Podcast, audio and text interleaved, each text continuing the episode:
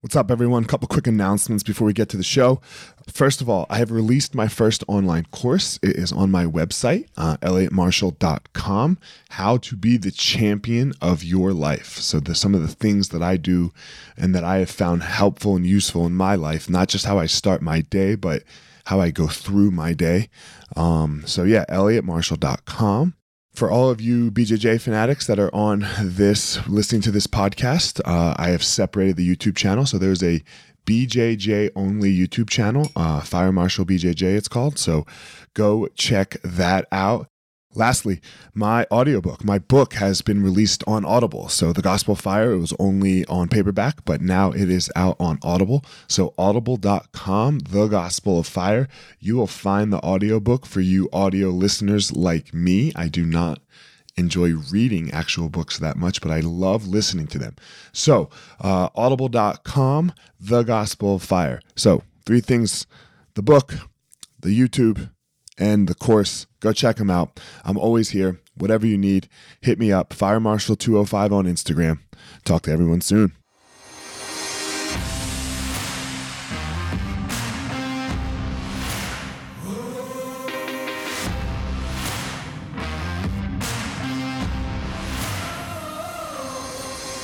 What's up, my ninjas? This is former UFC fighter Elliot Marshall, and this is the Gospel of Fire, where we are going to learn how to go into the fire so that we can find our power and live the best life possible.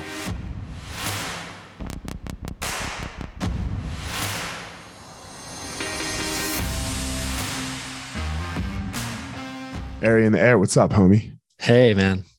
Talk, talk. I mean, first of all, uh, your name is uh, spelled like Ari, so I called you Ari. I'm sure you get it all the time, but I like the Ari in the air. It goes very well. I was wondering where it even came from, but where the hell does Ari in the air come from? Ari in the air, yeah. So the story that I actually have been told my entire life is that, is that and right like this the stories of our namesake are the stories we're told about our names, right? Sure. Um, the story that I've gotten is that as I started to go to school, and people started to say my name differently than I had heard it. I came home and I said, What is my name? Am I Ari or am I Ari? And my mom told me, You tell me. And so, without any historical knowledge of my namesake, I chose Ari. And that uh, was at the very least coincidental and at the very most uh, uh, an early trajectory shift towards my affinity for air, you know, as okay. my, you know, like my nickname as a young child was Air Bear. And so I was like, yeah, I don't know. It just I came mean, into it. What, like when, I mean, do you remember what your parents called you before you chose Airy? No. Okay. No, I don't. Okay. But I do know, I do remember very specifically having one of my biggest fans and best supporters ever, who's still just a great person who just showers me with love and encouragement all the time for my athletics and my perspective and the the um, the things that I bring to the world. His name is Zeb. He um, is one of my sponsors. He does all my website stuff, and he uh, is also a skier. And this was before I highlined. This was before I paraglided. And I just love to go off huge jumps on my skis and do flips. And he just said, You're airy in the air. And it was just like, it took me a while to, it took me a while to, to, to swallow it, to like, to like come into it. But now at this point, it's, it's, uh, yeah, it's been long and enough. You that, said his name is Zeb, like the dude yeah, his, fiction? Yeah, his name is Zeb. All right. Shout out nice. to Zeb. Shout out to Zeb. I just remember, nah, man, Zeb's dead. from from Pulp Fiction. So, um, okay, but what's your story, man? Talk talk to me about it. Um, where where did this start for you? Where did this airy in the air start for you? How how did it get going? Yeah. Um, obviously, look, uh, just just from that initial story of your mom saying, "What do you want to be called?" You have a unique background because uh, you know, most parents don't do that. My name's Elliot. My parents told me my name is Elliot. Yeah. And that has always been my name. Like, uh, yeah. If, if I came home and said my name is Elliot, they would be like, no, your name's Elliot. So, yeah. Uh, which that gun that kind of guidance is not uh, a- a negative thing for a parent to do. But um, my origin story as it relates to my athletics starts with the nature of my family and being the Okay. middle of three boys. Um, my father was also uh, outdoors person and loved to water ski and snow ski. And growing up i did a lot of both of those things with my family. My mother and stepfather worked at Mount Bachelor for 15 years. And so I was uh, at the ski resort constantly. And it's interesting because, like, I've recorded a podcast on this that something will just like, I'll just wear myself on on my sleeve here for this interview. And great. um, I appreciate it. yeah most people do um and uh, one of the things that inevitably led to my pursuit of these spectacular sports is my desire to be approved of by my older brother his friends my father and what that essentially looked like was a very adventurous young boy who was very air aware like I've always been able to do flips. And as a young kid, I would do like crazy stunts, like jumping off cliffs into water. And even when I was made of rubber, I remember jumping off of cliffs into trees, just like jumping into trees and catching myself on the branches of trees. Like fucking Spider Man without the spider web. Yeah, exactly. Just like kind of crazy shit. And then I think it all kind of culminated into sport on one very specific day that I remember quite vividly when my brother and his friends decided to kind of ski out on the edges of the ski resort and build a jump. And um years later, you know, I pursued a professional skiing career for quite a while after that. And so I can tell you that this jump was terrible. And it was built instead of shovels we basically used our skis and the the and the tips of the snowboards as shovels and like built a pile of snow. And on my first attempt i went so fast that i overshot the landing and just went like so high to just flat powder snow.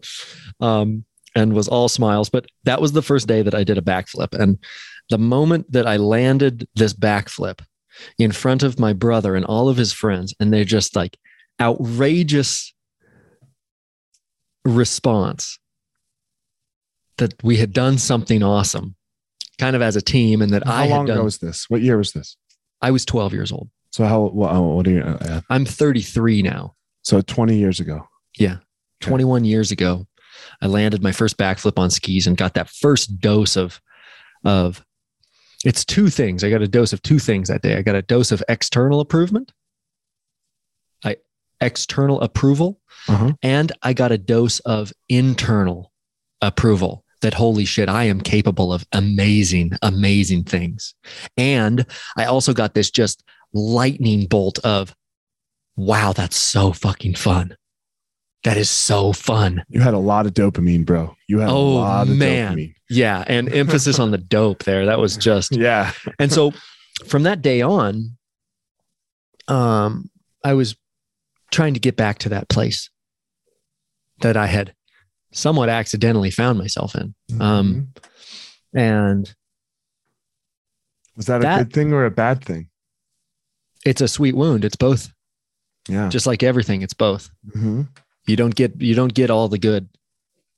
Um so the the desire to be approved of was both like my wound but also was the fire under my ass that has propelled me to traveling around the world as a you know multi-sport professional athlete and all of these things. So it's not good or bad. It just is. It just is. So i think that that little vignette of that day is a pretty succinct look at my origin story. That was kind of that was kind of what set me on that trajectory. And it was uh, it's amazing you know like the next season i i wanted to do a backflip but like i was a 12 year old boy. Like where do i do a backflip? Off what jump? How fast do i go? How hard do you know i did it a couple times and by no means did i know how to do it. So it, it you know now i'm 13 and i feel like i've i've regressed And now it's like, oh, I got to face all of this. As a young kid, I got to face all of this shit of like, well, I think I'm awesome, but but can I do the thing that I thought made me awesome? What makes me awesome? Mm, what a, makes me awesome? What is it what I do, or is it who I am? And if it's who I am, then who am I? And if it's what I do, then what do I do? How do I do it? Where do I do it? When do I do it? So these are big questions for a 13 year old. Oh these my God. I mean, I asked these questions when I was 36 and these, these were big questions for me mm-hmm. as a mm-hmm. 36 year old. Um, yeah, these are existential questions. Right. So what, like, how long did it take you to figure out what makes you awesome? Um, I would love to just like, I would love to be interviewed on a podcast where I could feign at least for a moment that I've arrived somewhere stable in this search for my own identity and my centeredness in a deep confidence of who I am and what my worth is. But that's a roller coaster ride that I get on and off of more than I'd like to admit, Elliot. And, okay. um, but at this point, I think I want to go on the roller coaster ride. Yeah. Okay. We're going to go on it. You opened it up. Yeah. We're going to go on it. So, and we're going to, we're going to circle these existential questions of like yeah. what our life means and who we are and what our value is. Um, because that's really the deepest gift that I've gotten from all of these sports. Look, I was just about to say it, man. These sports don't really fucking matter. Like, they they really yeah, don't. The most they're the most arbitrary things. It's like yeah. you could be good at a lot of things that are much more useful than like than like being a professional walker of a rope, which is what I am. Um, right. So, but they but they're a vehicle, right? They're this yeah, vehicle a, that take us on this journey to to figuring out and answering these questions of who am I, what's my worth, what makes me amazing, all of these things, right? They they they they break down the barrier, right? For example, you're a professional walker of rope now. Uh, uh, does the rope, rope walking matter? No, but the the the difficulty matters. The challenge yes, matters. The does. journey matters. All of this matters. Yes, so, um, whether you walk across the rope, like in the moment, yeah, sure, it matters. But afterwards, no, it doesn't fucking matter at all. Yeah. You know who is the best rope walker in nineteen in in two thousand seventeen? I don't know. Do you? Yeah. So let's go on the journey. Yeah. So the you know what you said is that these sports are a vehicle um, for me to grow and for me to develop and for me to learn about what is meaningful in life and what my challenges and my suffering bring me as far as learning and growth and development and perspective. And that's basically um, that's kind of my niche actually in action sports. There's a lot of people who do action sports and a lot of people who get a lot of recognition from doing very extreme stunts like I do. Um, and my niche has actually been a really thoughtful one and one where I have tried to integrate the challenges and the lessons that these sports have taught me and to bring perspective back from the void, you know, back from the edge of what is possible and what my body's capable of doing and what my mind is capable of allowing my body to do. Um, I really want to bring the perspective that that the the walking of the edge brings me, and I want to bring that back into my life and make sure that that's something that I like transplant into the garden that I like keep watered and like keep feeding me feeding what, myself so what's with. the edge look what is the edge look like for you what does it feel like for you um, why do you do these crazy action sports? You know what what well what purpose let's let's let's first let's get into what these action sports are. Okay. Because i think that um i i'm lucky enough to participate in such kind of fringe and unique um niche sports that most people don't know what they are. And um by painting a picture for what this sport is i think I can help you understand what the edge looks like and what it feels like and what the lessons are. Okay. So I told you that I grew up as a skier and I pursued professional freestyle skiing for a long time after that. for the next 15 years, essentially. And that looked like going off really big jumps and doing, you know, a cork 900 and landing backwards, and then going off the next jump backwards and doing a switch double backflip and landing backwards again and jumping on rails and and skiing powder and jumping off cliffs and building jumps and all of these uh, things, which is just so much fun. It's so fun. It's so fun to be outside with your friends. It's very in touch with nature because you're looking for the right snow conditions. And at some point, when I was about 23, I we had kind of a warm winter and there the snow was terrible and I saw someone highlining. Highlining is a sect of slacklining, which slacklining is that activity that you see people in the park doing when they string up a rope between two trees and balance on it. They walk on it. Uh, highlining is where you do that high above cliffs, between cliffs and over canyons and these kind of things.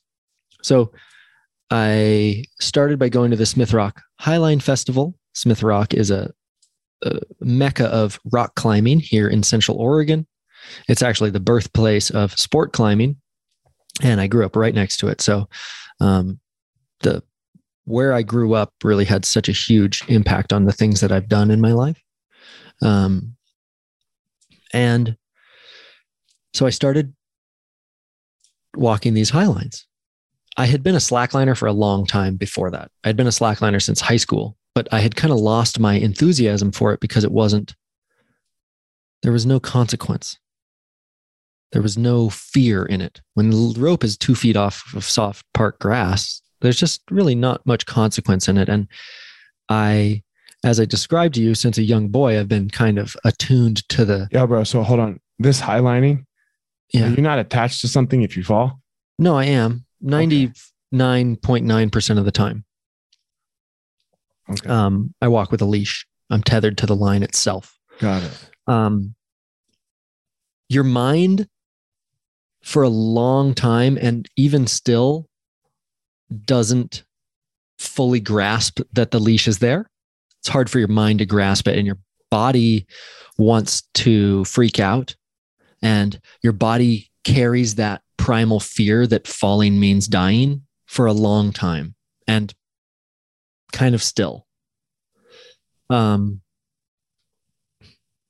so, like I said, I, I I had slacklined for a long time, but there was no consequence in it. And from my past as a skier, I had kind of attuned myself to the stronger flavors of life. The things that have consequence are the things that give my brain those drugs and give myself that sense of accomplishment when I do something that I've overcome something that I really want there to be a challenge. I want like I'm I'm ready to like feel fear and deal with it and overcome it, right? So started highlining. Highlining was awesome. It was probably 5 years later that I I had been working as a commercial filmmaker and me and my friend filmed this stunt by this local base jumper here. His name is Super Frenchy. And he came up with this crazy idea to do a rope swing from one paraglider to another paraglider where he would jump out of a tandem paraglider holding on to a essentially a wakeboard handle and swing from a paraglider and then let go and then fall a thousand feet and then pull his parachute and land safely right um, and this crazy stunt went down uh, you know four hours north of me. And so we drove up there and i saw paragliding for the first time. And we f- my first time in a paraglider i had a you know a red cinema camera and i was filming this stunt from the tandem seat of a paraglider. And so that was my introduction. And then that was i think in october. In february i took some paragliding lessons at the beach and by the end of that summer, I was teaching paragliding and I was fully immersed. And since then, I've traveled around the world paragliding and, um, and have flown in 15 countries on five continents and have trained in all kinds of different um, I saw Sec- paragliding. P A R A G L I D I N G. So paragliding to describe what this sport Got is, it. Yeah. Okay. it's basically um it's almost like a parachute but it's actually a much more complex parachute that has a much higher aspect ratio. So it's a lot wider and it's like a hang glider. More people are familiar with hang gliding and, and we use the wind to fly. And um, when you learn, you're basically soaring. So you're flying on essentially a wave of wind that's getting blown up a mountain or a coastline and you're just kind of surfing this wave of wind. As you learn to paraglide more and more, we start to fly in what are called thermals, which the sun heats the earth and the heat rises like a hot air balloon. And we turn circles in these currents of air that go up and they take us way, way, way off the ground. Like I've been to, you know, almost 18,000 feet in a paraglider and have flown more than 150 miles in a single flight. So paragliding is an incredible and surreal and I can't emphasize surreal enough. It's a totally surreal sport that allows you to cover landscapes and do things that are just otherwise unimaginable. You know, flying flying hundreds of miles in a single flight over the biggest mountain ranges in the world um, is that's a that's a door that's unlocked with a yeah. paraglider and a lot of training and skill and experience. So um, so how have you made a living doing these things? Because I mean, they're they're, they're very niche, right? And mm-hmm. I mean, I started in a niche sport in in MMA and uh, and jujitsu, and there was no money in them, and it's very hard. And yeah. uh, well, I would say that the I would say that the first thing that comes up for me there is that the idea of earning or making a living has been hijacked by finance. That that is a that is a, that is a thing that refers to money. And i think how i've persisted at making as little money as i have is because i've made such a rich life doing these things right and i have just lived in an incredible abundance of excitement and energy and enthusiasm and community, camaraderie, and achievement that has made the bank account a background issue. And but you're living in a house, right? You're in a house right now, right? Yeah, totally. And so, yeah. I mean, I I have sponsorships and I do commercial photography and video, and I make okay. some money on Patreon because I have a great podcast and a YouTube channel where I teach people to paraglide. Um, I'm also a philosophical coach, so I do some coaching for people to uh, help clarify some things in their life. Um, so I've got a lot of different irons in the fire that are the things that throughout the years I've basically found these little niches that I do things that I'm really good at and that are relatively lucrative and take up uh, not too much of my time and are pretty flexible for mm-hmm. my schedule so that I can, uh, at the drop of a hat, because of the wind, launch my paraglider and spend the next two days trying to get home because I've flown into the next state. Right look, I'm I'm a believer of like I only do what I want. I, I, I very rarely do anything that I don't want to do. Uh, and uh, but you ha- you have to have this balance, right? Like there's you need food, you need water, you need shelter. Um, if you want, like I have two children. Uh, they also need those things. They also need those things. Uh, they love sports, you know, like ball sports. So they are way into them. Uh, so they need cleats and bats and balls and bats and balls and, and, coaching and yep. and leagues and, and right. Yep. So like when you say make like you know uh, that's making a living. You have to. I have to make a living. Totally. You know. Yep. And so I've kept my my overhead quite low as right. most young athletes do, and um, yeah, through sponsorship and those kinds of things, and have made right. it go around.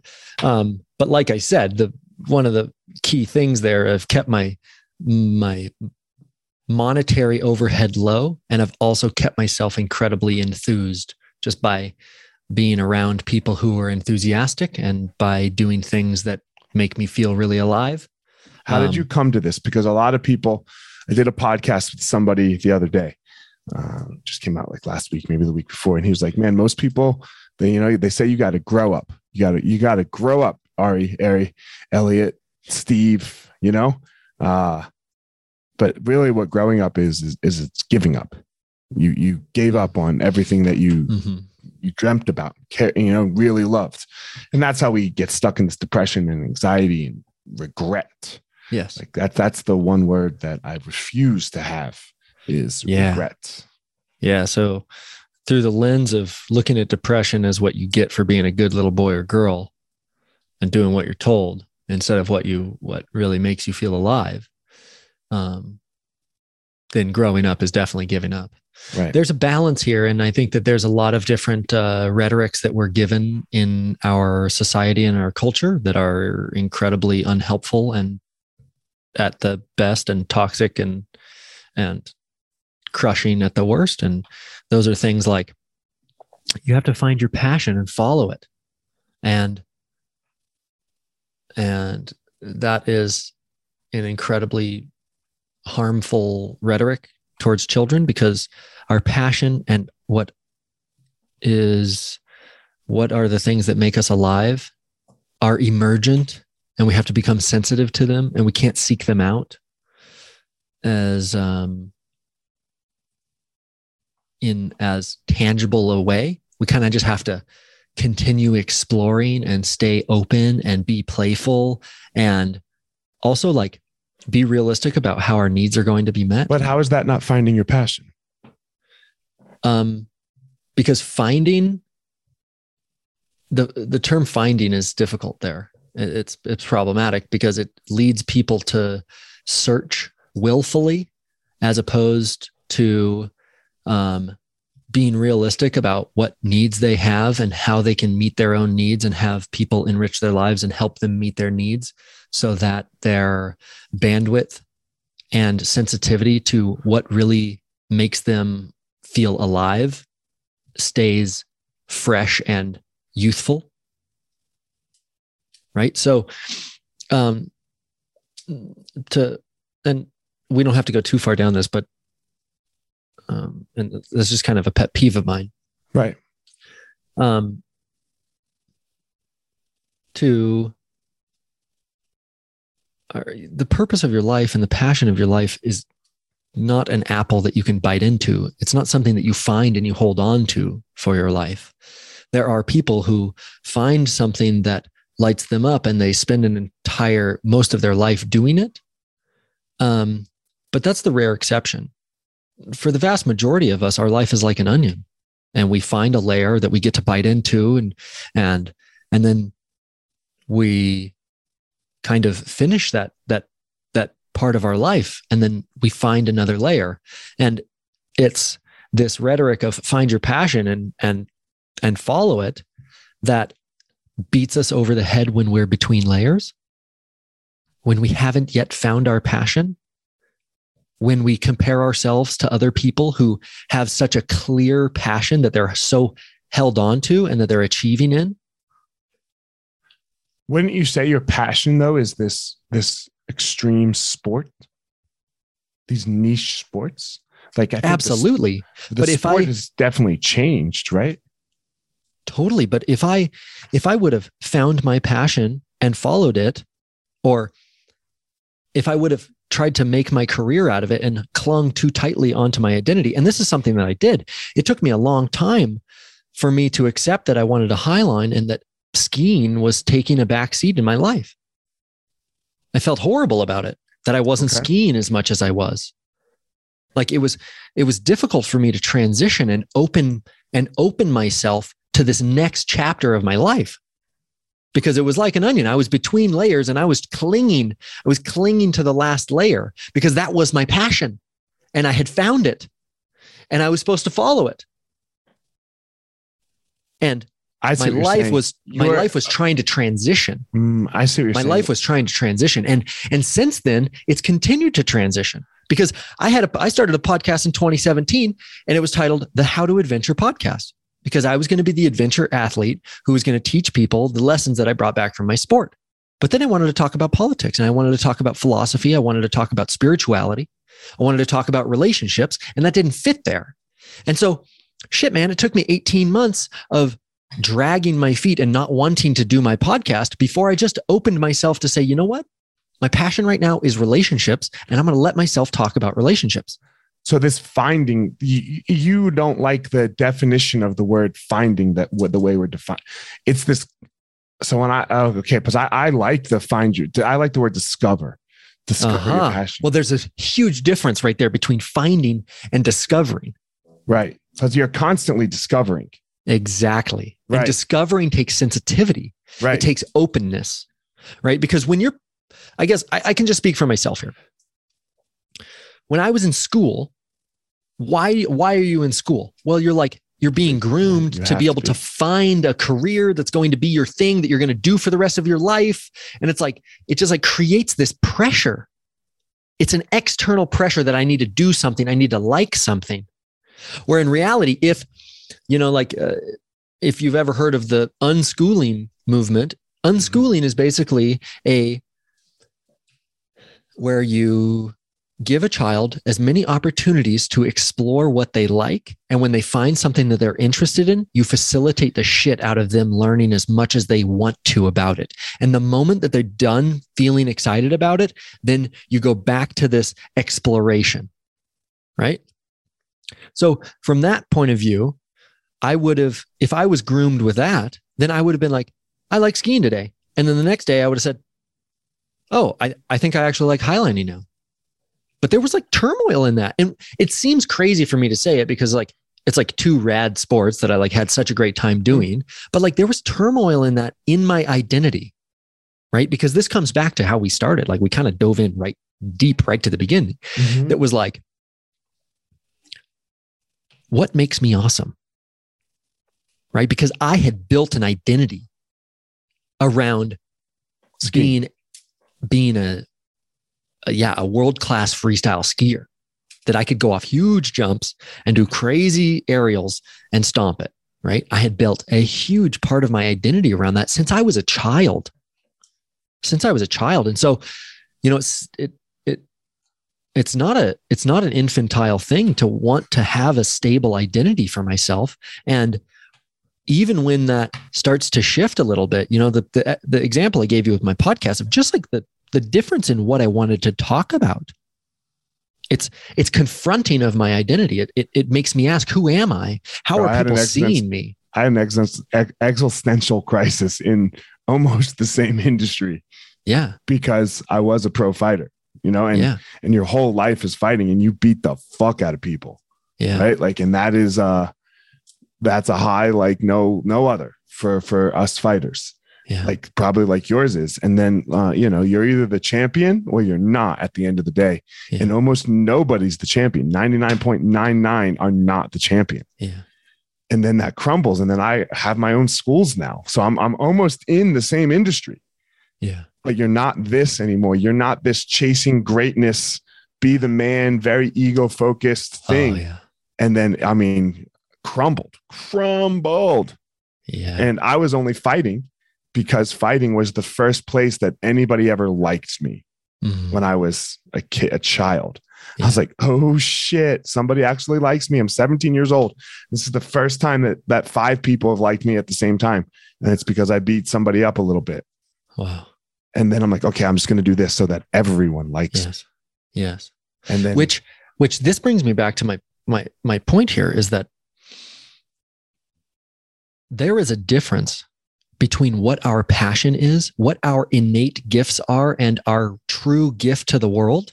There is a difference between that and what we use as a coping mechanism to make us feel like we belong. Mm-hmm. There's a huge fucking difference, man. Yeah. Like, who, like, like it will take me years of knowing you for me to have any insight as to what I think your real, truest gift to the world is. But the difference between your passion, your gift to the world, and what you use as a way to have five people like you at the same time, those are not. They weren't. No, they weren't. They're not the same thing, man. Right. They're they not the look, same. But thing. they look the same. They feel. They, they, they, feel. feel the, the yes, yeah, exactly. They look very very similar, and they they they make you uh, get confused on what those things are. exactly. And that's what I'm talking about when right. you know that first time I landed that backflip as a 12 year old kid and I got a I got a sip of water that I was so thirsty for, right? That I Right. had that approval, that I had people like me. Finally, my brother was proud of me. My his friends accepted me. They weren't trying to ditch me.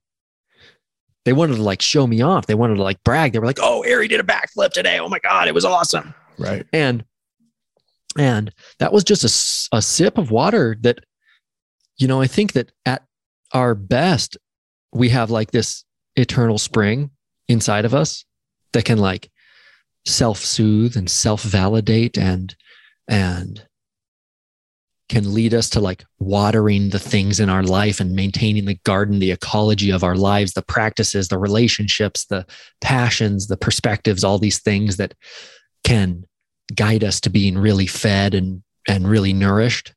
And you know you, you know you just acknowledge the part where our stories kind of overlap that we had a sip of of water a thing that At a young age. at Yeah. a young age that made us feel validated that made us feel important that made us feel loved and and that we had belonging and what our passions are and and what those things are especially like as a man like as as a young adolescent like there's no there's no small amount of of conditioning that tells me the kinds of things that I can do. Because realistically like man like it took me 3 fucking decades to realize how sensitive I am. Like I'm just an incredibly sensitive person to like so many things and so, in such a beautiful way. Like I'm I'm like a music and lighting and flavor expert. I'm like an awesome cook and I curate great music and I make killer fucking parties and like like I'm very sensitive and I'm sensitive to conversation and people's energy and I can you know like I'm a great coach because I'm a good listener and I'm sensitive and empathic. And those are things that I had to just fucking back burner because I was trying to be awesome. I was trying to be spectacular. I was trying to be masculine and tough and and brave. And and so it's taken me a it's taken me a long time to to sift through what I thought I needed to do and what I was doing as a way to make myself feel like I was belonging and and finally get down to like what is my passion What's your right? passion? I, I think I think that my passion is actually connection.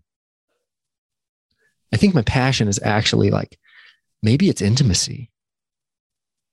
And it's amazing to think about how I've lived my life and how I've gotten intimacy from my sports because these sports are an incredible vessel for you to see the real parts of people. Because Elliot, I'll tell you right now, man, if you come out to Oregon, I put you on a one inch wide piece of rope, 400 feet off the ground, I'm going to see a part of you that's very real. I'm going to see a part of you that's, Look, our, It's- our sports, my sport's the same. When the cage shuts and it's just you Oh. and another dude, oh, yeah. who you are shines. Oh, oh, exactly. Who you are shines. You're, you are, Exactly. yes, exactly. Exactly. So, So, that's what extreme does. That, you know, yeah. and it, anything can be extreme. Uh, the NBA finals is extreme. The, is, yeah. you know, the, The the intensity of the experience The is turned way up. Yeah. You know, the Olympics is extreme. Ev- everything can be extreme. That's look for me, that's the beauty of sport, It is. right? The beauty of all sport is the is the extremeness in it. I can watch Mm. uh look, I can't play golf. I don't watch golf on Sundays, but let me tell you something, bro. Uh, if Tiger Woods comes back and he's in the Masters on Sunday again and he's in the ch- in the running, I'm watching, man. Yeah. I'm watching. Ah, I'm watching. I, you know, I, I when he won the Masters, I don't know when it was, it four or five years ago. After in that comeback, dude, I was glued. I was Uh-huh. glued to the Yeah. television. yeah. Every shot, like, yo, let's go, because it's extreme. it is. It's greatness, and we It love that. There's something about uh, wherever you find greatness and intensity, the human experience is drawn to it. Oh, I totally agree. I totally agree. And this is actually something that Jordan Peterson has talked about at length that the most innate human trait is our propensity to imitate, that we imitate, that we set an ideal And exactly what you're talking about with Tiger is like, like we want to see greatness because we want to see it outside of ourselves so that we can know that it exists inside of ourselves. That Mhm. is, I love that. and I don't like look, uh, yeah, he was wrong with his wife and he was a womanizer and all that. And that is not right. Like I'm I'm not trying to say that that was right, but I don't give a fuck. I want Tiger to win on Sunday in, in the Masters, in the Mm. US Open, in the British Open. I want to Mm. see it. I, I really Well, do. I think that just that just points to a bit of nuance in Yeah. side of you yourself that you probably acknowledge that um, even though you're a you know you're a you're a powerful fighter and you could do you could do you could be of huge service in that you could protect people with that but you could also you could also do enormous harm Harm. Yeah, yeah, yeah. you could do enormous harm that's what you know that's the i feel like that's what's at the core of martial art is that uh, you know you should be a powerful man who It's- who willfully has it under control Yeah, that's another Jordan Peterson quote. Yes, for sure. You- right You know, yeah you know a- Yeah. a, safe man is not a is not a non-violent man. It's it's the man who who is exactly capable of extreme violence and yeah has it under control that's Yeah. safe. hmm But yeah, I think so. I think a lot of things are nuanced, and that's that's a lot of what we're talking about here. Like I'm, I can acknowledge the the poor human that Tiger Woods might be. You know, oh Yeah. he's definitely got his own he's got his own shit he's got his own wounds Yeah. he's got his own shadow he Mhm. wrestles with his own um his, his own father demons. issues, his mother issues, right? Like, course. yeah, he's Of got course. he's got a host of problems. But, but on Sunday, he's not fucking in he's not in family court. He's on the fucking golf course. That's where he's a master. And we Mhm. want to see that excellence. We want wanna see see if we want to see if he can put down all that other shit that we know about. He's got it. That you know, like he's got his baggage, he's got his trauma, he's got his family court shit. He's got the the the mob of the media trying to trying to slander him. Can he put it down so that he can win? that was what the amazing thing was to me. That that that is the Mhm. story, right? Because before he crumbled, for example, it was all just he he beat it down. Yeah. right? And he beat it down. He didn't let anybody see it. He protected the image. And then uh-huh. all of a sudden it imploded on him. And you saw him crumble in his life and you saw him crumble on the golf course. But what that Sunday was, or what that weekend was, was, was a, a man who was at the top and fell to the bottom and then climbed back up to the top. Yeah. Yeah. That's what's amazing. Yeah. Because if like, I mean, if you're just born with it, if you're born rich, well, good for you. You know, can you be rich, lose it all, and be rich again on a money sense? You know, which I, I know, but not, golf doesn't matter either. So um, I'm Yeah. like linking the two. Uh, that is that is greatness, in my opinion. That is real, real greatness. Michael Jordan, the best, retires, baseball, fa- father dies, baseball, comes back for that short season, blows it in the playoffs, gets swept out of the or almost gets you know they get beat in the playoffs, and then comes back to just solidify his legacy in a way that it is untarnishable, Yeah. untarnishable. Yeah, Those and this really this love. comes back yeah this comes back to what we were talking about that that these arbitrary games these Mhm. arbitrary useless things are the vessel for us to test ourselves for us to learn about ourselves for us to gain our own approval. They are a game for us to they're a condensed form of life. They are struggle and they are challenge. They are growth. They are practice and mastery and failure and they're all just mixed in. And that's what's amazing. That's, That's why we do it. That's what brings us back. That's, that's what why everyone- watch it. That's why I want everyone to do it. That's why I do this podcast. yeah. Is so that we can like uh I, I don't know you can see it's over my right shoulder here. Uh the white quote uh next to the Martin Luther King one. It's the man in the arena quote. We need to step into the arena. You know? Yeah. You need to step I don't the arena does not matter. Highlining paragliding skiing golf basketball plumbing whatever yeah who cares just step all the way in yeah Yeah. it's a vessel for us to strive for greatness and excellence in our lives and it's a these vessels are also judges for us they are you know, as much as they are ways that we can aspire towards things, they're also ways that we can fail. Mhm. You know, Mhm. and so and we need that. We so need that. That's such a human thing. And as we've i think that as we've moved into modernity where our physical needs are so met for us where the water comes out of the tap ready to drink and the thermostat makes the house warm um, these things used to be the arena well, the you know- arena used to be just staying surviving. that's what i'm saying Yeah, now That's what I'm saying, like, that at all. as a father 100 years ago your arena was like keep your child from dying from tuberculosis and pneumonia because they were sleeping on something wet and cold and like Mhm. you know it's like the life used to just be an arena where we had to like fight and now we don't have to fight and so our lives have gotten materially a lot easier and they have gotten emotionally a lot harder because we don't have that that thing we don't have that just constant challenge that's we're outside not, we're not fighting. ourselves No one's fighting. no one's fighting. Yeah, so we go make up fake fights. Yeah, we do. We make we up have fake to. fights. We have to. We have to. And so, Yeah. you know, I- that's a, I love that. We have to make up fake fights, man. And and we should do them in a way. We need to make up these fake fights in a way that um we can use we can have sportsmanship. Right? Like like the way in which you respect the person that you're going to try to beat up in a octagon in MMA is like, man, it says a lot about your character and it says a lot about your perspective and what you think the fuck you're doing. Um, because at the end of the day, that's a that's an arbitrary fight. Um, and so yeah, we so need these we need these arenas, we need these challenges, and they they give us meaning. They give our life meaning. And Yeah. Um, you know, my podcast I've had on the show a couple times, Dr. John Vervaeke, who has done an enormous amount of research. He was Peterson's colleague at the University of Toronto, still there, University of Toronto, and he has done an enormous amount of work on the meaning crisis that he's been watching sweep the world for the last 20 years and increased suicide and addiction and all these different um, metrics that we can kind of tell that people are not feeling as satisfied and fulfilled in their lives as they used to. Yeah. And I think that that's one of the ways, you know, my my sports and the things that I've done outside are the way that I've hedged myself from that.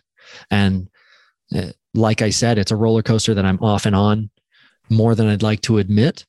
Um, but at the end of the day, being outside and moving and um, being scared and working through that are the things that kind of give my life meaning and purpose um, inside of myself and then my the depth of my relationships and the depth of my connection and the way that i can be of service and um, those are the ways that i kind of that's the arena that i make Yeah.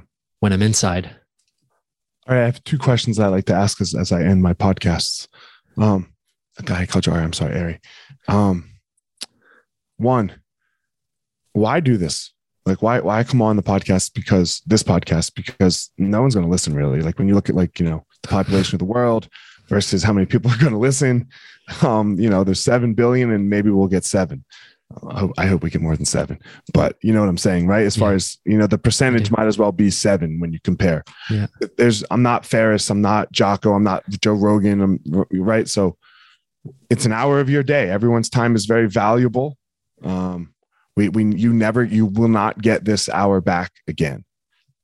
So why did you say yes?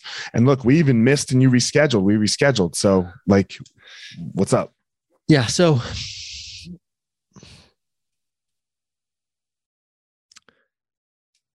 the answer to that is what i told you was like my real passion was connection Uh huh. it was intimacy Uh huh.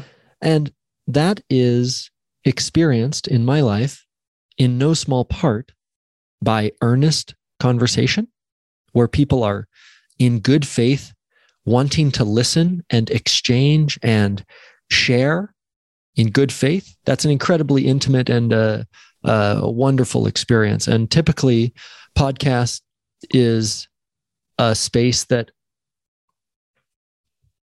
um, is you know, it, it, it lends itself to that really well. Right. And so, um, so I had a, a pretty strong feeling that that's the experience I was going to have here, as well as the like dialogue is an art, like how you listen, what you share, how you tie things together as you come into dialogue with a person who has a different perspective than yourself is an art. And it's an art that I think of myself as an artist of. It's what I do on my podcast, it's what I do in my coaching practice, right? How I listen, how I reflect. Um, that is all a very fine and subtle, nuanced thing that I uh, that I love to do, and it's something that I that teaches me so much, right?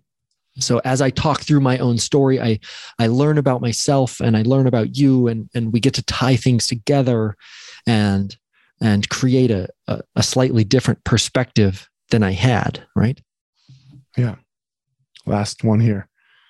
Um, I believe everyone has this unique thing about them, this thing that they makes them amazing in the world. That not like again, not money, not fame, not nothing, but it's what they give to the world. What What would you say that is that thing, that power that's amazing about you? Hmm.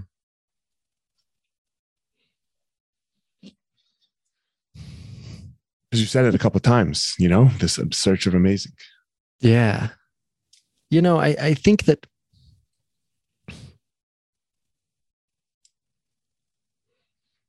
Hmm. That's such a that's a difficult question. And I, I feel like deciding like deciding what it is and what the thing really is, like telling you this is almost like the the eternal dao is not the one that you can name. Right. So like the the the the special slice of God that I have. I'm not sure, man. I think it might be sensitivity Okay. that amidst all of the intensity of my experience, whether it be emotionally inside of relationships or emotionally inside of these incredible uh, stunts and and very intense moments, that I can still be sensitive to the texture of my own experience, and that's something that I can give to other people through dialogue and listening and relationship. So I think that that's a uh, something that I've been curating in myself for the last number of years as I've felt safer and safer to be a sensitive man. Yeah, it's hard. It's not. It's not cool to be sensitive in, in male. No, You know, it's, it's a lot. It's a lot more uh, mainstream cool to to be able to punch somebody in the face and tell them to shut up. Yes, which is the last thing we have to be doing. Yeah, We we have a saying, or you know, my friend and I have a saying: "Walk softly, but carry a big stick." yeah, You know, so you, the again the ability with the stick, but move move soft. Yeah. Um, Ari, thanks so much. I appreciate Yeah. you coming on. Um, yeah. Elliot, it's been tell fun, man. everyone where they can reach you and if they want to find out more about you or or anything it is that you do. Yeah. So um, I'm Ari in the air on all of my social media platforms. That's my YouTube, my Instagram, and such. And then they can visit ariintheair.com if they want to sign up for my newsletter or check out my coaching practice. That's ariintheair.com.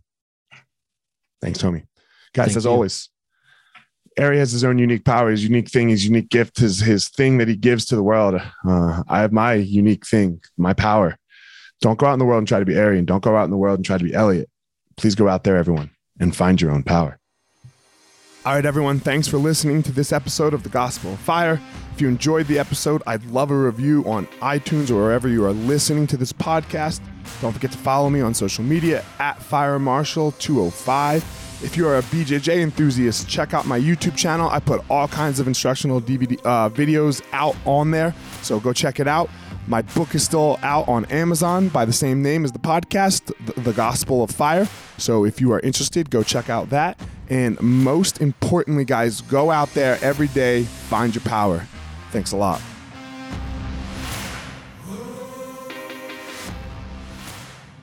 Guys, look, I get it. I totally get it. You opened a martial arts school, and man, it's kind of crushing you. There's all this other stuff to do other than teach, right? You love teaching. You love jujitsu. You love Muay Thai. You love karate. Whatever it is you're you're teaching. And man, but there's all this other stuff. There's there's the front desk. There's there's taxes. There's curriculum. There's cleaning. there's there's problems, staffing, covering. Whew, man, it's so much. It's so much. Well, let me tell you, uh, we have started what's called Easton Online, and Easton Online is here to solve all of these problems for you. Easton Online is a digital academy for martial arts school owners and managers.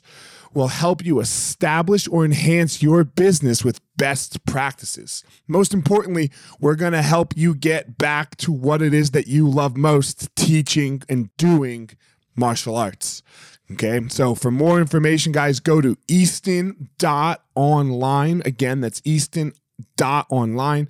Add your email. You're going to get notified about the course launches. Our first course is going to be all about the first impression specialists, your front desk, and all kinds of stuff, special offers, promotions, as well as we started a podcast by the same name, Easton Online, that's going to talk about our process of how how we went from a tiny little martial arts school to what is now seven martial arts schools, seven Brazilian Jiu Jitsu Muay Thai schools, um, in a very holistic way that we believe um, kept the integrity of the art and also deals with its people very well. So again, Easton.online, enter your email and you're gonna get all you're gonna get everything you need right there. So thanks, guys.